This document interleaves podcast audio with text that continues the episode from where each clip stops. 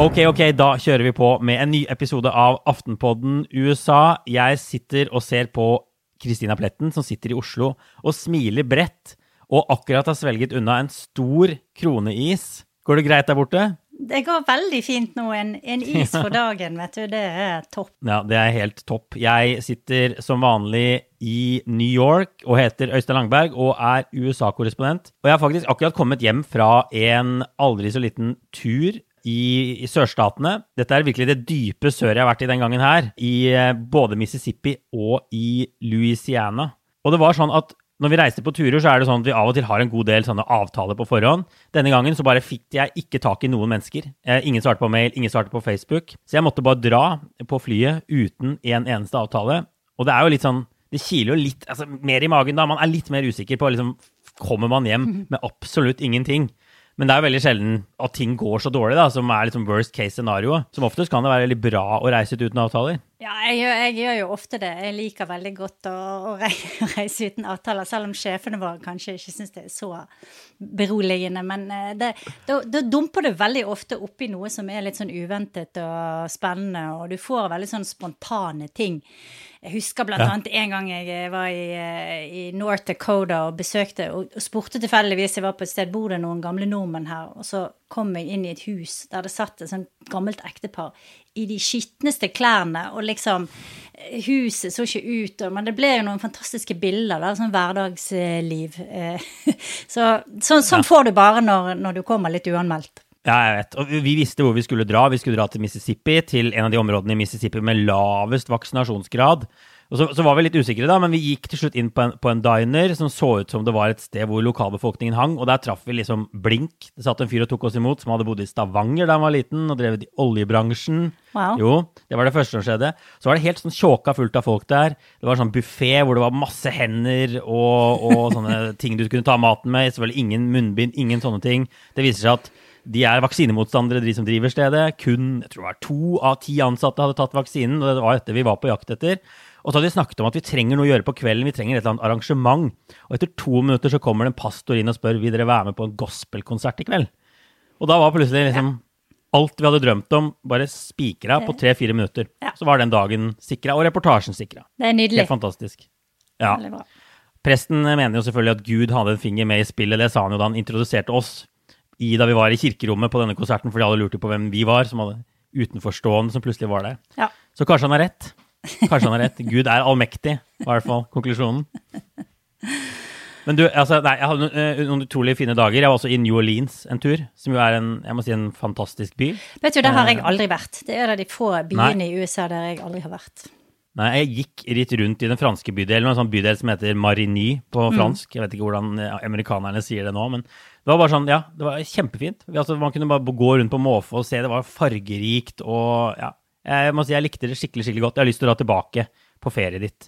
Ja. På ferie ditt en gang. Og så fikk vi da se det obligatoriske, eller kanskje ikke obligatoriske, men jeg fikk altså se en ganske stor alligator gå over veien. Jeg måtte stoppe bilen. Det har jeg sett på Instagram. Alligator crossing. Ja, Du la det det ut på jeg Instagram. Jeg vet ikke hvor vanlig det er der nede, men det var jo en helt sjokkerende safariaktig opplevelse for meg. At det kommer en alligator rett foran bilen, som er sånn såpass stor at Jeg vet ikke.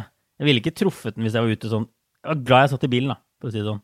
Du, I dag skal vi snakke litt mer om, om klimaendringer og alle måtene USA rammes av, eh, av klimaendringer på.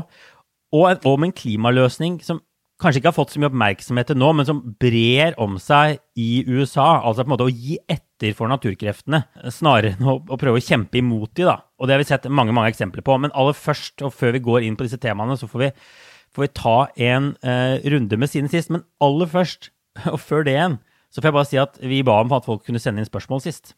Eh, For vi lager en egen sånn spørsmålepisode. Vi har fått utrolig mye interessante spørsmål allerede, men det er fortsatt mulig å sende inn noen fler.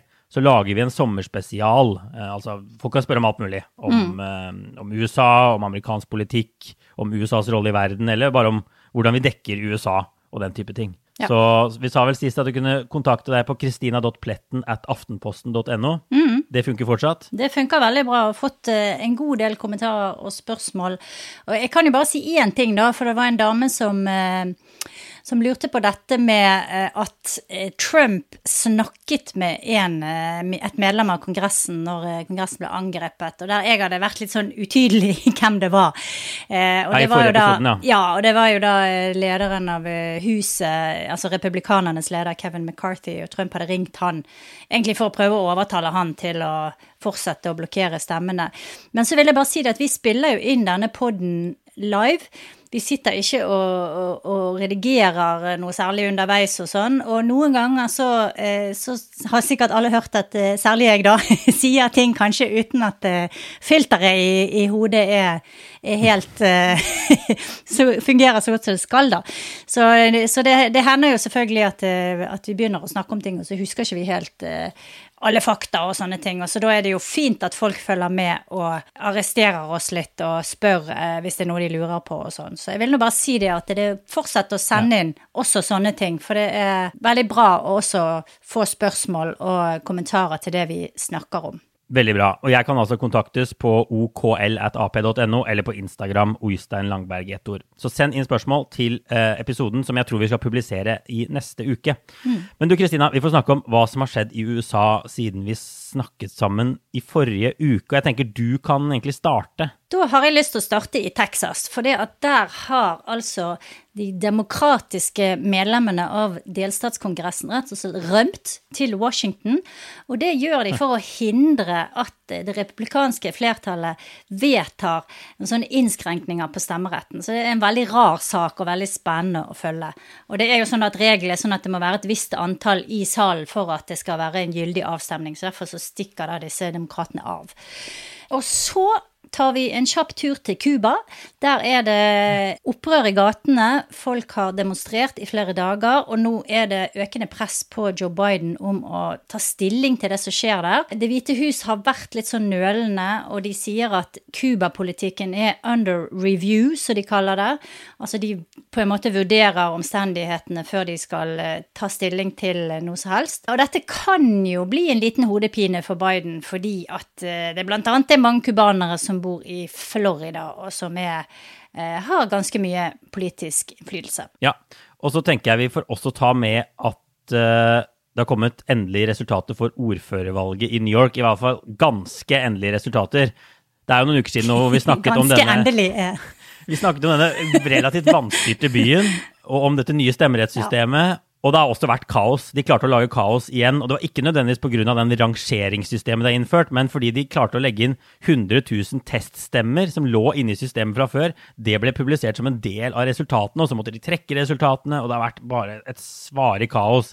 Og veldig sånn dumt for USA når, det er, når Trump har greid å lage så mye usikkerhet rundt disse valgordningene, at de klarer å rote det til da, eh, igjen på den måten her. Og nå har det kommet resultater som de fleste stoler på. altså det, De har greid å fjerne disse teststemmene, og det virker som det er liksom, de har en ryddig prosess bak her. Og resultatet er at, at eh, Eric Adams, eh, som altså er afrikansk-amerikansk, blir byens Eller det, sannheten er jo at han blir demokratenes ordførerkandidat. Og så forventer de fleste at han vil slå republikanerne i valget i november. Men Adams, altså, han slo kvinnen Catherine Garcia med ett prosentpoeng til slutt, så det ble svært, svært jevnt. Men det er også spennende, da, og det var også det som var konklusjonen vår i denne episoden, at, at det ville ikke bli en hvit mann i 40-50-60-årene denne gangen. Og det har det altså ikke blitt. Eh, De tre fremste kandidatene var to kvinner og en svart mann. Og det er jo interessant for en by som er så mangfoldig som New York. Og så har jeg sett at det er noen som kaller han for the anti-woke democrat. Og at dette her liksom er en ny Ja. type demokrat som eh, er litt sånn et alternativ til denne woke venstresiden, da. Så det syns jeg òg er litt interessant. Men la oss gå over til dagens hovedtema, da. Altså ekstremvær, klima og de helt konkrete eksemplene vi ser på klimaendringer og ekstremvær i USA. Eh, Vi har jo snakket om USA og Parisavtalen tidligere, og Bidens på en måte sånn politiske kamp for utslippskutt og sånn. Men jeg tenkte vi nå skulle snakke litt mer om bare de helt fysiske tingene, det som skjer rundt omkring i USA på, på bakken. Eh, og en ting jeg nå gjorde på denne svippturen min ned til sørstatene, var å besøke et sted som heter Ile de Jean-Charles. Eller Isle de Jean-Charles. Det er litt sånn eh, Det er jo f tung fransk eh, var det ditt forsøk på sånn sørstatsdialekt, eller? Ja, du, ap apropos sørstaten. Altså, man tror man kan Ja. engelsk helt til man reiser til sørstaten i USA, og så snakker de i et minutt, og så skjønner Ja. du ingenting av det de sier. Så har du det heldigvis på opptak, og så må jeg sitte hjemme og tyde. Men du, det var, det var en digresjon. Ille Ile Jean-Charles er et uh, øysamfunn uh, med urbefolkning, altså indianere som flytta dit. De ble jo presset ut av de sine egentlige områder og endte på disse øyene helt ytterst mot havet i Louisiana. Eh, og En gang så bodde de på en kjempestor øy og hadde, altså de hadde gårder og dyrket mark og sånn. Nå er det bare en syltynn landstrype igjen. Denne øya har bare forsvunnet av stigende hav, erosjon, eh, stormer eh, og den type ting. Og myndighetene har konkludert med at vi kan ikke redde denne øya. Det er ikke noe vits i. Så nå har de bestemt seg for å flytte hele dette samfunnet langt inn på land. Så jeg har snakket med folk der. og Det kommer en sak mer om denne flyttingen senere i sommer, som er veldig, veldig interessant. Eh, og den er jo sånn ekstra touchy fordi det handler om, om urbefolkning og amerikanske myndigheter og ekstremt lav tillit mellom disse folkene, og de lurer på hva skjer med Kommer de bare til å bygge masse fancy hytter der vi hadde husene våre når vi blir flytta inn på land? Så det er veldig mye, veldig mye sånn. Men det er en veldig interessant trend som vi har sett mer og mer av i USA, hvor man betaler folk for å flytte ut fra flomutsatte, orkanutsatte områder og få de inn på land. Fordi rett og slett, hver gang det kommer en orkan, så reiser liksom, og disse folkene evakueres, så kommer de tilbake, og så er det sånn fingrene krysset for at dette huset fortsatt står, og ofte så står jo ikke husene. Og jeg møtte folk der som sa som hadde flyttet for noen år siden fordi huset var bare totalrasert, og de hadde ikke penger til å bygge det opp, eller fikk ikke støtte til å bygge det opp, og sånne ting. Ja. Men dette er jo ikke et unikt eksempel. Nei. eh, Det fins også et lignende eh, samfunn i Alaska, Newtok, Alaska, som eh, også er urinnvånere, som har blitt flyttet derfra, derfra. Også pga. klimaendringer. Og eh, så finnes det jo flere andre områder i USA, egentlig fra Galveston, Texas og helt opp til eh, New Jersey, altså langs hele den kysten fra Mexico til Canada. Altså, Mm. så finnes det mange samfunn som sannsynligvis må i hvert fall kraftig reduseres eh, i løpet av de neste 20-30 årene. Og det Miami Beach, for eksempel, er kanskje et av de største samfunnene. Men det snakkes jo også om i New York, faktisk. At eh, de er nødt til å enten sikre sjølinjen eller begynne å flytte folk ut av de eh, boligene som ligger liksom aller nærmest eh, eh, vannet. Og det så jo vi annet i denne kjempestormen Sandy for noen år siden. Da var jeg i New York når den kom, eh, og da sto jo du til knes i vann ganske langt innover i Brooklyn. Altså, det var eh, veldig skremmende å se. Ja, blant annet i New York, altså på Staten Island, så tror jeg det var etter Sandy av de områdene som ble mest ødelagt. Så, så Ja. det er ikke helt det samme som de gjør i Jean Charles her. Men de, altså, de betaler folk for å flytte fra husene, de kjøper husene til folk, og så må de finne seg et nytt sted å bo. Det er litt annerledes enn å flytte et helt samfunn.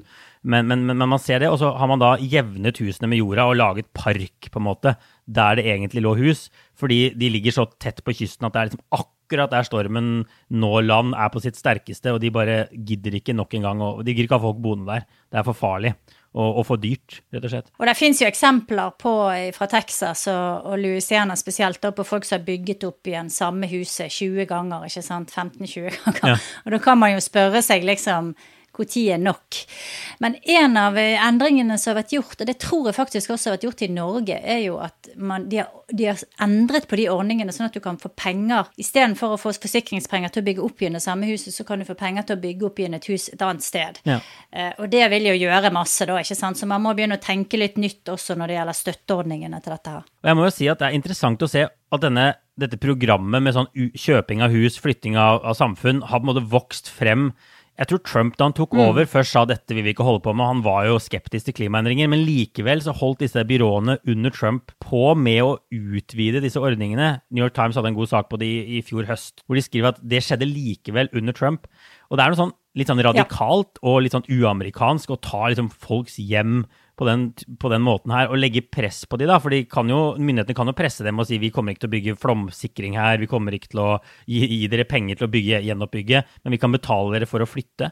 Så det er interessant at det skjer i USA, men de ser seg vel bare nødt til å gjøre det. Ja, det blir jo ikke sant både et politisk problem og et økonomisk problem. Og eh, det som skjedde f.eks. i New Orleans da, etter Katrina, var jo at eh, staten ikke var på ballen. George Bush eh, somlet og rotet. Og det ble jo en kjempestor politisk skandale for han, fordi at du så bilder av disse her folkene som sto på hustak og, og satt i, samlet i disse her eh, idrettsarenaene og fikk ikke den hjelpen de trengte. Så det er jo ikke sånn at politikerne kan bare si ja ja, hvis ikke dere vil flytte, så får dere bare sitte der og drukne. Mm. Det er ikke akseptabelt. Så de er nødt til å finne en løsning på det på et eller annet vis. Og det blir jo egentlig en litt sånn nøtt for republikanerne. fordi at hvordan skal de utforme politikk og praktiske løsninger på å motarbeide klimakriser uten å innrømme at klimakriser skjer?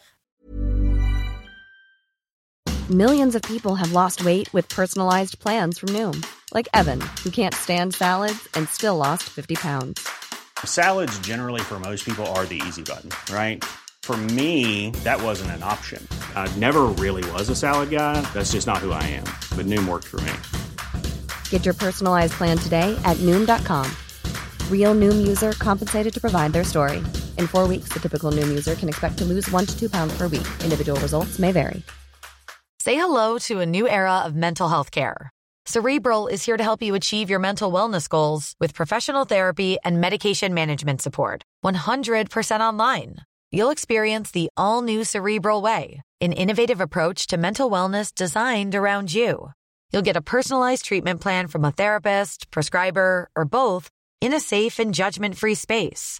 Your cerebral therapist or prescriber will outline a customized plan with clear milestones along the way so you can get to feeling your best. With Cerebral, you're not alone in your mental health journey. We're here to empower you to live a fulfilling life. So take that first step towards a brighter future and sign up today at cerebral.com slash podcast and use code ACasts to get 15% off your first month. Offer only valid on monthly plans. Other exclusions may apply. Offer ends July 31st, 2024. See site for details. Men det er en interessant form for klimatiltak, egentlig, det her. Altså, det er jo på en måte Du har utslippskutt på den ene siden og de virkelig lange, tunge prosessene som foregår globalt, og så har de de tingene her. Dette er jo en veldig sånn alternativ form for klimatiltak. Og man kan vel ikke si at det ene kanskje Altså Man kan ikke bare gjøre én ting og så droppe utslippskutt og si at skal, vi skal bare flytte folk rundt. Det virker som man må gjøre, man må gjøre begge deler, da, men det virker som det her kommer til å bli en helt sånn den mest konkrete folk vil verke i hverdagen. I hvert fall folk som bor i kystområder. Denne typen tiltak. Ja, og jeg tror det at eh, det, er, det kommer det, det, er ganske små samfunn fortsatt da, som ja. er blitt sånn flyttet helt. Men hvis du ser på bygningskoder, f.eks., så er jo det eh, en mye bredere greie. Der at du må, ha, du må, bygge på en viss måte hvis du skal ha hus. Mm. Eh, f.eks. langs kysten i Louisiana. Mange må jo bygge på sånne påler. Når du kjører lang, helt ytterst langs kysten, så ja. står husene på sånne høye påler. Eh, og så har du eh, kommunene og hvordan de regulerer utbyggingssoner.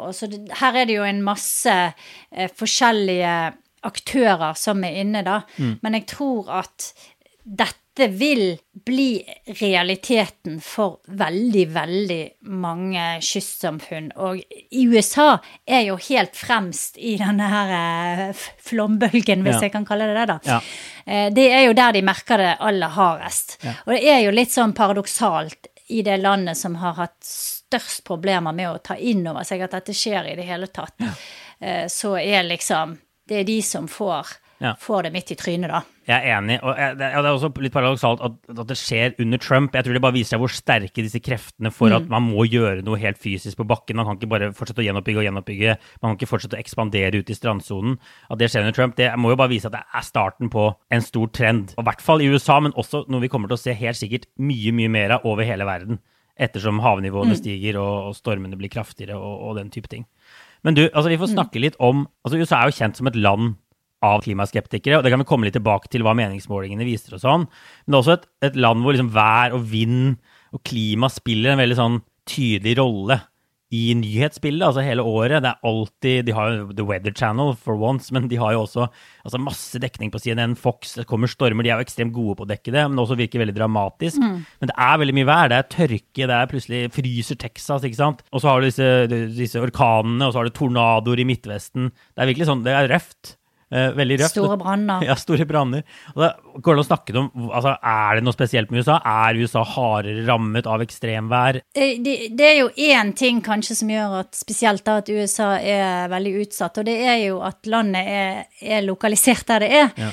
Fordi at du har disse stormsystemene som danner seg vel utenfor kysten av Afrika, og så reiser de over Atlanterhavet, og så slipper de på en måte ned nedbøren og eh, knuser alltid sin vei gjennom Karibien og innover, eh, innover kystområdene i USA. Og det er jo sånn at noen av de beveger seg eh, vestover mot Texas, Louisiana, men det er jo også noen som beveger seg nordover og østover egentlig igjen. Sant? De snur når de når liksom Florida, da, og, så, og så siger de oppover kysten. Og det som har skjedd de siste årene, er jo at disse her stormene har blitt sterkere. Ja. Og de beveger seg saktere, så de henger lenger over de stedene der de liksom stopper opp, og så slipper de ned helt enorme mengder nedbør og skaper flom. Ja. Det skjedde f.eks. med Harvey i Texas. Det var en av de første jobbene jeg gjorde når jeg kom bort til USA som korrespondent. Det var at jeg måtte reise til Texas og dekke den eh, enorme stormen. Og den var jo ikke sånn Det var ikke vindstyrken i seg sjøl som gjorde det, men det var all nedbøren den slapp ned, og den hang over Houston i flere dager. Ja. Så, eh, så det er egentlig den, kanskje den viktigste forskjellen. Det kom like mange stormer før, men, men de oppfører seg annerledes pga. At, eh, at havoverflaten er varmere og, og klimaet har endret seg. Ja, for det, det har vært en sånn debatt, og det er alltid en debatt. Hva er klima, hva er bare vanlig ekstremvær? Og jeg har lest noen sånne historiske bøker om de første europeiske innvandrerne. De som, de som flyttet hit til USA og begynte å fordrive disse, denne urbefolkningen. Om de beskrev også disse stormene som de aldri hadde sett maken til i Europa. At det er et sånn helt sånn erkeamerikansk fenomen som har funnes i, i alltid, altså i hvert fall i århundrer, disse enorme stormene. Eh, og så så jeg Mike Pence sa vel under valgkampen i en debatt at det ikke er flere stormer nå enn det var for 100 år siden. Og han fikk sånn delvis rett på en faktasjekk av det. Men da mener jo da forskerne at det, som du sier, de blir mer intense. Og det bor jo mange flere folk i disse stormutsatte områdene. Og så er det også denne stormfloen som blir verre enn før, fordi havnivået er høyere. Men også fordi, sånn som utenfor Louisiana der, så var det jo masse landområder som tok av for stormfloen, og som absorberte vannet. Nå bor jo disse folka bare på den lille landstripa der jeg var, f.eks. Så alt bare renner inn over husene. Og det er ofte det virker som det nesten er like mye problemet nå. eh, Som egentlig vindstyrken. Eller altså, det kan være begge deler, da. Så det er en sånn blanding av, eks av ekstremvær som alltid har vært der, og klimaendringer som forverrer det. Det virker som det er litt bildet. Men eh, det har jo vært eh, også noen som mener at det har vært litt underkommunisert, da. At eh, ekstremværet og klima henger sammen, og at, eh, at forskerne har vært redd for å trekke den sammenhengen, fordi at det også er selvfølgelig eh, normale svingninger i været. Og alt, alt vær skyldes ikke Alt dårlig vær skyldes ikke klimaendringer, ikke sant. Nei. Du har jo også et ekstrem kulde, f.eks., sånn som du hadde i Texas, og, der, og da sier skeptikerne ja, hva med, hva med hvor er global oppvarming nå? Sånn, så Ja, ja. nå er det liksom 20 minusgrader i Texas. Og jeg ser jo også når vi snakker om dette, når jeg skriver om dette, at jeg får enormt mye eh, e-poster, også fra norske klimaskeptikere, som er som har sine egne eh, hva skal jeg kalle det, informasjonskanaler og oppfatninger, og, og kommer med sånne grafer om se her, været har liksom Været har gått opp og ned i millioner av år, og sånn vil det alltid være. Og, men det er jo helt åpenbart at um, disse her værsystemene i USA, hvis du ser på varme f.eks., da, hete, så har eh, nesten alle varmerekordene de, de, de har kommet de siste årene, eller eh, det de har kommet flere og tettere og tettere og tettere de siste årene. Og jeg tror 1000 Arizona i mai nå, eller begynnelsen av juli, hadde sånn fem dager på rad der de, de slo varmerekord. Ja. Eh, Så det er, jo helt, det er jo en helt klar tendens, men så svinger det innenfor den tendensen. Det er ikke en helt jevn eh, utvikling. Men det betyr ikke at ikke klimaendringene skjer, og at ikke det påvirker oss å være. Nei da, og at Texas fryser er jo også litt sånn Det er vi- vitner jo om noe som er litt ute av balanse. Og, og en del av disse tingene i USA Ja. har også blitt forklart med denne jetstrømmen som går fra, fra vest mot øst rundt ja, rundt Polen, egentlig. Og som jo gjør at det går mye raskere å fly fra USA til Norge enn fra Norge til USA, fordi man har disse jetstrømmene som også, også flyene bruker. Og den jetstrømmen man ser vel i større grad at den er, spinner litt ut av kontroll. Og det var det som også skjedde da det var sånn utrolig varmt i, i Canada nylig, og vi så liksom asfalten smelte og folk dø fordi de ikke har aircondition, fordi de aldri trengt aircondition i, i Canada. Så den der jetstrømmen er også en sånn spiller med her. Det var også den som gjorde at det, Texas var så sjukt kaldt i vinter, og strømmen gikk og, og den type ting. Og det er også sånn, Forskerne er litt uenige om hva her som er klimaendringer, og, og, og hvordan det påvirker nettstrømmen. Det er mye sånn usikkerhet, men det er i hvert fall et eller annet som ikke er som det, som det pleide her. da som er veldig interessant å se. Mm. Og Nå har vi snakket om orkan og flom, og vi har også vært innom hete og tørke. Av og til når man ser på nyhetene i USA, så kan det virke som det er dommedag. Det er liksom, som jeg snakket om i stad, det er liksom tornadoer her, det er flommer der, det er tørke og branner der. altså Det er noe sånn hele, hele landet. Du kan tegne sånne ekstremværsymboler over hele landet. Men denne tørken har jo vart nå i flere år, egentlig, hvis man ser eh, det store bildet i det vestre USA. altså Det er jo nesten halve landområdet i USA som må defineres som vest der. Og, og, det er jo kanskje enda mer skremmende, syns jeg, da, det, den tørken og heten og alle de brannene som følger av det. Mm. Fordi at det rammer eh, noen av de områdene i USA som produserer mest mat. Ja. Altså California produserer veldig mye av grønnsakene og frukten og sånn som eh, USA spiser. Og så har du Midtvesten, Iowa, mm. alle disse statene som produserer korn og soya og, og, masse forskjellige avlinger. At de rammes så hardt og så langvarig, er veldig ille mm. for USAs matforsyning. Så det rammer liksom så direkte, sånn midt i in the gut. Ja, og den er virkelig sånn Det er virkelig sånn forstemmende å lese om den tørken i vest der. Jeg tror det er, altså det er vannmagasiner altså, som er på all time low-nivåer. Og allerede nå, i, det var i juni allerede? Sånn, sånn som Lake Mead, som jo er blitt laget med den Hoover-dammen, som er den største sånn, altså, reservoaret i USA, eh, er allerede på de laveste nivåene siden det ble bygget. Og det forventes at det bare blir, verre og verre utover sommeren. Og de forventes, forventes vel at de skal erklære en sånn som vannmangel i Colorado-elven for første gang i år. Colorado-elven gir også vann til sør i California, og så Arizona og Nevada, hvor det også har vært en voldsom tilflytning de senere årene. Mm. Og hvor bønder nå antageligvis ja, Svaret de, til bøndene er jo at de begynner å grave etter grunnvann, men det er også litt sånn det er jo heller ikke en ekstremt bærekraftig løsning på sikt. Så man kan lure på hva som kommer til å skje med de områdene, og hva løsningen her er. Det virker som det bare går nedover og nedover, og så flytter det flere og flere folk dit. Det virker jo veldig lite bærekraftig, egentlig. Altså Phoenix, vi har snakket om ja. Phoenix, som er en av de raskest voksende byene i USA. som jo må ha, Der må det være aircondition gående året rundt for at folk skal kunne bo der. Det var en grunn til at det ikke bodde så mye folk der før aircondition fantes. Og så, Ikke bare det, men de skal jo ha golfbaner, f.eks., ja. som bare krever sånn helt enormt mye vann og er helt naturstridig å ha i områder som eh, Arizona og Nevada. Da. Så det er jo noe sånn hakkende gale med ressursbruken eh, mange steder. Så skal det jo sies at det er områder i, i USA der Eh, egentlig innvandrerne for 100-150 år siden slo seg ned og prøvde å, å eh, dyrke jorden. Mm. Og der det egentlig ikke var helt eh, forhold til det. Og jeg nevnte disse her eh, norskamerikanerne som jeg traff med de skitne klærne i North Dakota for, for, en god del år siden. De var etterkommere av, eh, av nordmenn som hadde slått seg ned i North Dakota og, og prøvd å dyrke jorden og der var det jo allerede ekstremvær for 100 år siden. sant? Det var gresshoppesvermer, og så var det liksom branner og tørke og mm. hete. Og, og, og, det var liksom en, en, kamp mot naturkreftene i alle år. Og nå satt dette eldre ekteparet egentlig og bare ventet på å komme seg vekk fra den gården, og, og orket ikke å, å, slåss lenger. Og det man ser i en del av disse områdene, spesielt kanskje i North og South Dakota, og disse områdene der de norske slo seg ned, de kom seint, de fikk den dårligste jorden. Mm det er at eh, du har et eh, fenomen som heter rewilding. At det er der naturen rett og slett tar tilbake ganske store eh, landområder, og det kommer tilbake moskusokser f.eks., og præriegress og den type natur som var der opprinnelig. Så det skjer faktisk i ganske stor skala i en, en del av USA, da. Mm.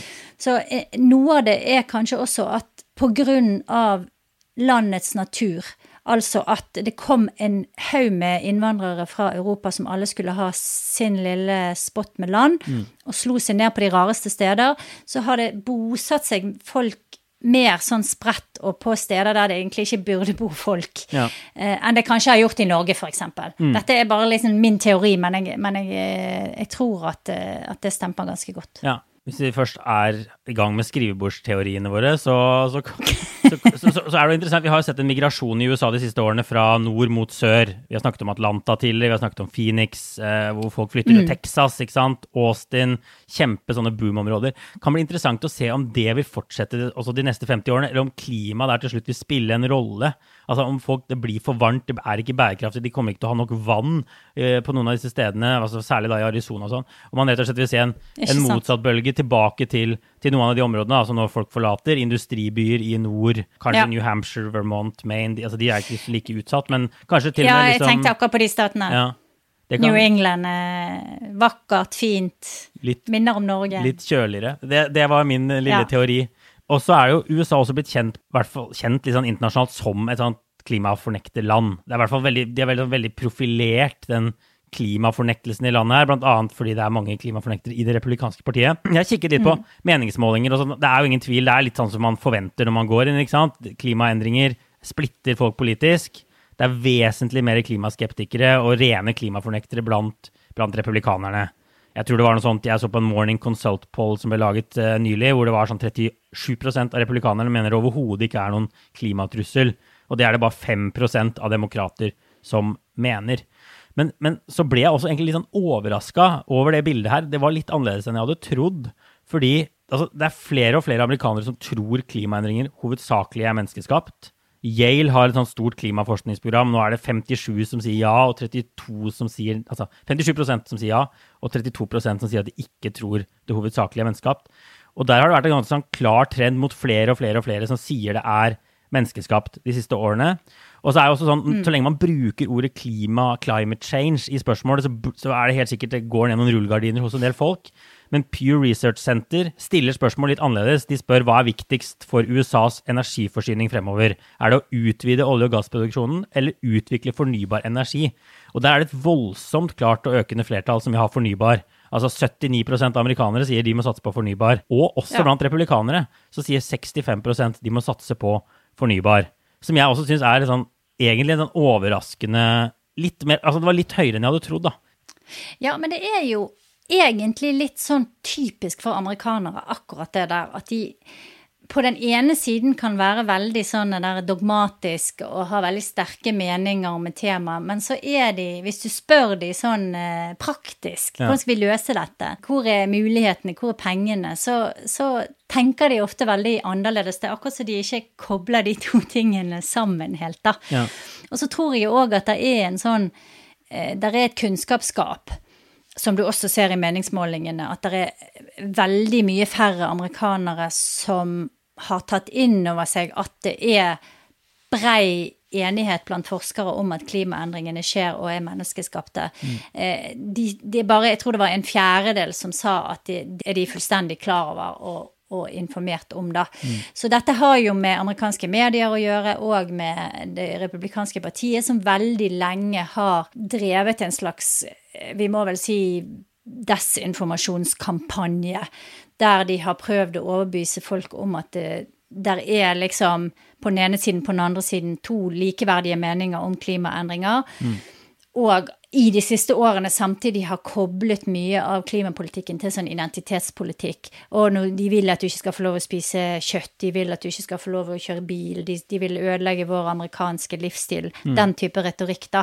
Som har gjort det, gjort det mye vanskeligere å, å, å gå inn i det på en litt sånn nøytral måte. Og så er det jo veldig mange av disse statene som ligger langs kystbeltet, f.eks., og som da vil kanskje oppleve da økende vannstand, at huset deres blir rammet igjen igjen, er jo eh, stater med mange republikanere. Altså Texas er jo et, et godt eksempel. Og klart, hvis du står med, med vann opp til halsen for liksom femte gang på ti år, så er det klart at det er kanskje du, du, kommer, du kommer kanskje litt på glid da, i synet på klimaendringer. Jeg vet ikke, Hva, hva er din erfaring? Ja, på, på på den annen side så har jo jeg møtt sånne te folk i Texas som står med, med vann opp til halsen, og en fyr blant annet jeg husker som hadde krøpet ut av liksom takvinduet da, med hundene sine, hele, for dette, det, huset sto opp til mønet under vann. Men eh, nei da, de eh, vil ikke verken tro på klimaendringer eller innrømmer at de må flytte fra, fra hjemstedet sitt. Så jeg vet, jeg vet rett og slett ikke hva som kreves for at de skal våkne opp fra det. Det er et slags klimakoma Ja. eh, mange amerikanere er i, selv om de holder på å drukne, liksom. Det er, det er, det er absurd og paradoksalt. Ja. Nei, altså jeg tenker i hvert fall Den Pew-undersøkelsen om, om fornybar og, og ikke-fornybar, den viser i hvert fall at Biden, Joe Biden antageligvis gjør rett når han snakker om klima som industribygging, som arbeidsplasser, som, som å bygge nye, godt betalte fagforeningsbaserte jobber. Jeg var jo i Wyoming eh, tidligere i år. Det, var også, det er også interessant. Erkerepublikansk stat. Det var jo den staten Trump vant med størst margin. Som har blitt store på vind. Og det er sånn halvveis mot innbyggernes vilje. De har bare så enorme vindressurser der. Og det gir, også, det gir jo ikke så mye arbeidsplasser. De er også store på olje, det skal sies, i, i Wyoming. Eh, men, men, men, men det på en måte bare presser seg fram, og det er jo det samme i Texas, da. Som også blir store på fornybar, rett og slett. Det er jo ute i periferien at veldig mange av disse prosjektene bygges ut. Ja. Og så tror jeg at det er litt sånn som, som du sier, at eh, det, å, det å fokusere på arbeidsplasser og på inntjening og på mulige, økonomiske muligheter, det er den smarteste veien å gå. Jeg tror at eh, kanskje Al Gore og hele den der gjengen som begynte med denne voldsomme sånn dommedagsretorikken for eh, ja, det er vel 15 år siden nå, har gjort klimasaken litt, litt en bjørnetjeneste, i hvert fall når det gjelder å nå frem, frem til eh, disse, denne type skeptikere, da. Da avsluttet vi med å få Al Gore på nakken. Det er flott. Men det er kanskje ikke det verste, verste mannen å ha på nakken uansett. Nei. Say hello to a new era of mental health care. Cerebral is here to help you achieve your mental wellness goals with professional therapy and medication management support. 100% online. You'll experience the all new Cerebral Way, an innovative approach to mental wellness designed around you. You'll get a personalized treatment plan from a therapist, prescriber, or both in a safe and judgment free space. Your cerebral therapist or prescriber will outline a customized plan with clear milestones along the way so you can get to feeling your best. With Cerebral, you're not alone in your mental health journey. We're here to empower you to live a fulfilling life. So take that first step towards a brighter future and sign up today at cerebral.com slash podcast and use code ACAST to get 15% off your first month. Offer only valid on monthly plans. Other exclusions may apply. Offer ends July 31st, 2024. See site for details. Vi får ta en liten runde med obligatorisk refleksjon til slutt, Kristina. Hva har du tenkt på? Du, eh, jeg har en som egentlig ikke har med USA å gjøre i det hele tatt. Det er vel omtrent så langt fra USA du kan komme, men jeg håper det er greit. Det er. Jeg eh, har jo tidligere i år så har jeg annet en gang anbefalt en bok som jeg ikke hadde lest. Eh, og det er rett og slett et lite problem for meg. Jeg er veldig glad i å lese bøker, men jeg syns det er vanskelig å konsentrere seg. Jeg tror det har med å gjøre at vi sitter mye på mobil og skjerm og ja, hjernen hopper i alle retninger, da. Så jeg vil anbefale en bok som jeg nettopp har lest, og som var sånn helt utrolig god. En norsk forfatter som heter Tore Renberg, har skrevet en kort, liten bok, passer perfekt til ferien, som heter 'Tollak til Ingeborg'. Som er virkelig eh, en av de beste norske bøkene jeg har lest, tror jeg. Wow. Eh, kom vel i fjor og er For de som eh, sliter med konsentrasjonen og vil gjerne begynne med noe litt sånn kort og konsist og kjempebra, så er det et godt tips for sommerens lektyre. Tollak til Ingeborg. Jeg har den faktisk stående i bokhylla her i USA, for Ja. jeg fikk den av sjefen til jul. I julegave. Ja, Så jeg har ikke, jeg har ikke fått åpna den, men da skal jeg, nå skal jeg få lest den. Da fikk vi den i smisket med sjefen Ja. I samme åndedrett. Jeg har jo ikke lest den, da. Det var litt flaut å innrømme. Men jeg skal få lese den i Nei, sommer. var Hvis den er så, Ja, det det. så kort og fin som du sier, så er det en ypperlig Ja, den er veldig god. Ypperlig Veldig god. Du, for noen uker siden så trakk du frem noe jeg hadde skrevet som OR, som jeg selvfølgelig satte stor pris på. Denne gangen så går jeg et skritt lenger og trekker frem noe jeg selv har skrevet som Å, OR. herregud. Nei da, men jeg, jeg kan legge ut en lenke til min sak, og så skal jeg legge ut en lenke til New York Times sin sak, og til den rapporten Ja. som jeg har basert min sak på. Det er det som egentlig er det interessante her. Um, fordi Mm. dette valget i fjor høst uh, druknet jo på en måte i kaos, påstander og Trumps påstander om juks. Så det var hele stormingen av Kongressen. Fordi etter 2016 så reiste jo du ut, jeg ut, både i Europa, det var jo brexit, men også dette valget av Trump, og snakket med på en måte den hvite arbeiderklassen som gjorde opprør. Det var en veldig sånn klar story. Mens etter Bidens valgseier så har det vært veldig sånn ullent hva som egentlig skjedde valget. Det var fremgang i forstedene, det visste vi. Det kunne vi se på valgnatta, at Biden gjorde det bra i mange av områdene rundt de store byene. Men det var ikke så mye mer. Altså Den store store storyen fra valgkvelden var egentlig Trumps kraftige fremgang blant latinoer. Det var det aller aller Ja. tydeligste, men, men det var Biden som vant. Så det var litt sånn vanskelig å, å, å få disse tingene til å henge sammen. Eh, Og så var det ikke så mange som stolte på valgdagsmålingene, fordi bl.a. målingene bomma ganske grovt på valgnatta. Og det var jo dette med at mange hadde stemt med post. Valgdagsmålinger er jo ganske gode normalt fordi de kan stå utenfor stemmelokalene og finne ut hvordan folk faktisk har stemt. Men det var mye vanskeligere denne gangen her. Men nå da har det kommet flere rapporter, bl.a. en fra Pew Research Center, som regnes som gull, en slags gullstandard. Fordi de har et stort panel med velgere som de faktisk kan gå inn og sjekke at stemte. For det er sånn offentlige stemmeregistre. Så de har navnet på de som er i panelet sitt, og så kan de sjekke de opp mot de registrene. De vet ikke hva de stemte, da, men det sier de jo da på telefonen til disse meningsmålerne som de snakker med. Så New York Times har annet oppsummert funnet, det har jeg òg. Og det er flere sånn fascinerende ting. Det stemmer, Trump gikk kraftig frem blant latinoer, som var ganske overraskende. Han gikk også frem blant damer, som var litt overraskende. Eh, Jeg lagde en sak rett før valget om at Trump lå an til å tape, og gjorde det dårligst blant damer noen gang. Det var sånn det så på meningsmålingene. Og gapet mellom menn og damer så ut til å bli historisk stort. Det ble det ikke. Isteden så, så gikk Trump fram litt blant damer, og så gikk han kraftig tilbake blant menn. Og det er jo der egentlig, der ligger noe av nøkkelen til Bidens eh, valgseier. Og særlig gifte menn, som er én av fire velgere i USA, litt mer enn det, så gjorde Biden det mye bedre. Det var, sånn, det var fortsatt sånn at Trump fikk et flertall blant gifte menn, men mye mye mindre. Biden tok nesten inn hele Trumps forsprang fra 2016. Og Biden gjorde det også ganske godt blant eh, moderate republikanere og konservative demokrater, husholdninger med militærveteraner og blant katolikker. Så man ser jo et sånt bilde av at Biden gjorde litt som han lovet. da. Han appellerte til de der moderate velgerne som mange demokrater argumenterte for at de måtte vinne for å vinne valget. De måtte hente over noen av de fra, fra Trump. Han gjorde det Ja. ikke bedre i noen av de klassiske demokratiske gruppene, altså minoriteter og kvinner og sånn. Der gjorde han det enten likt med Hillary Nei. eller dårligere.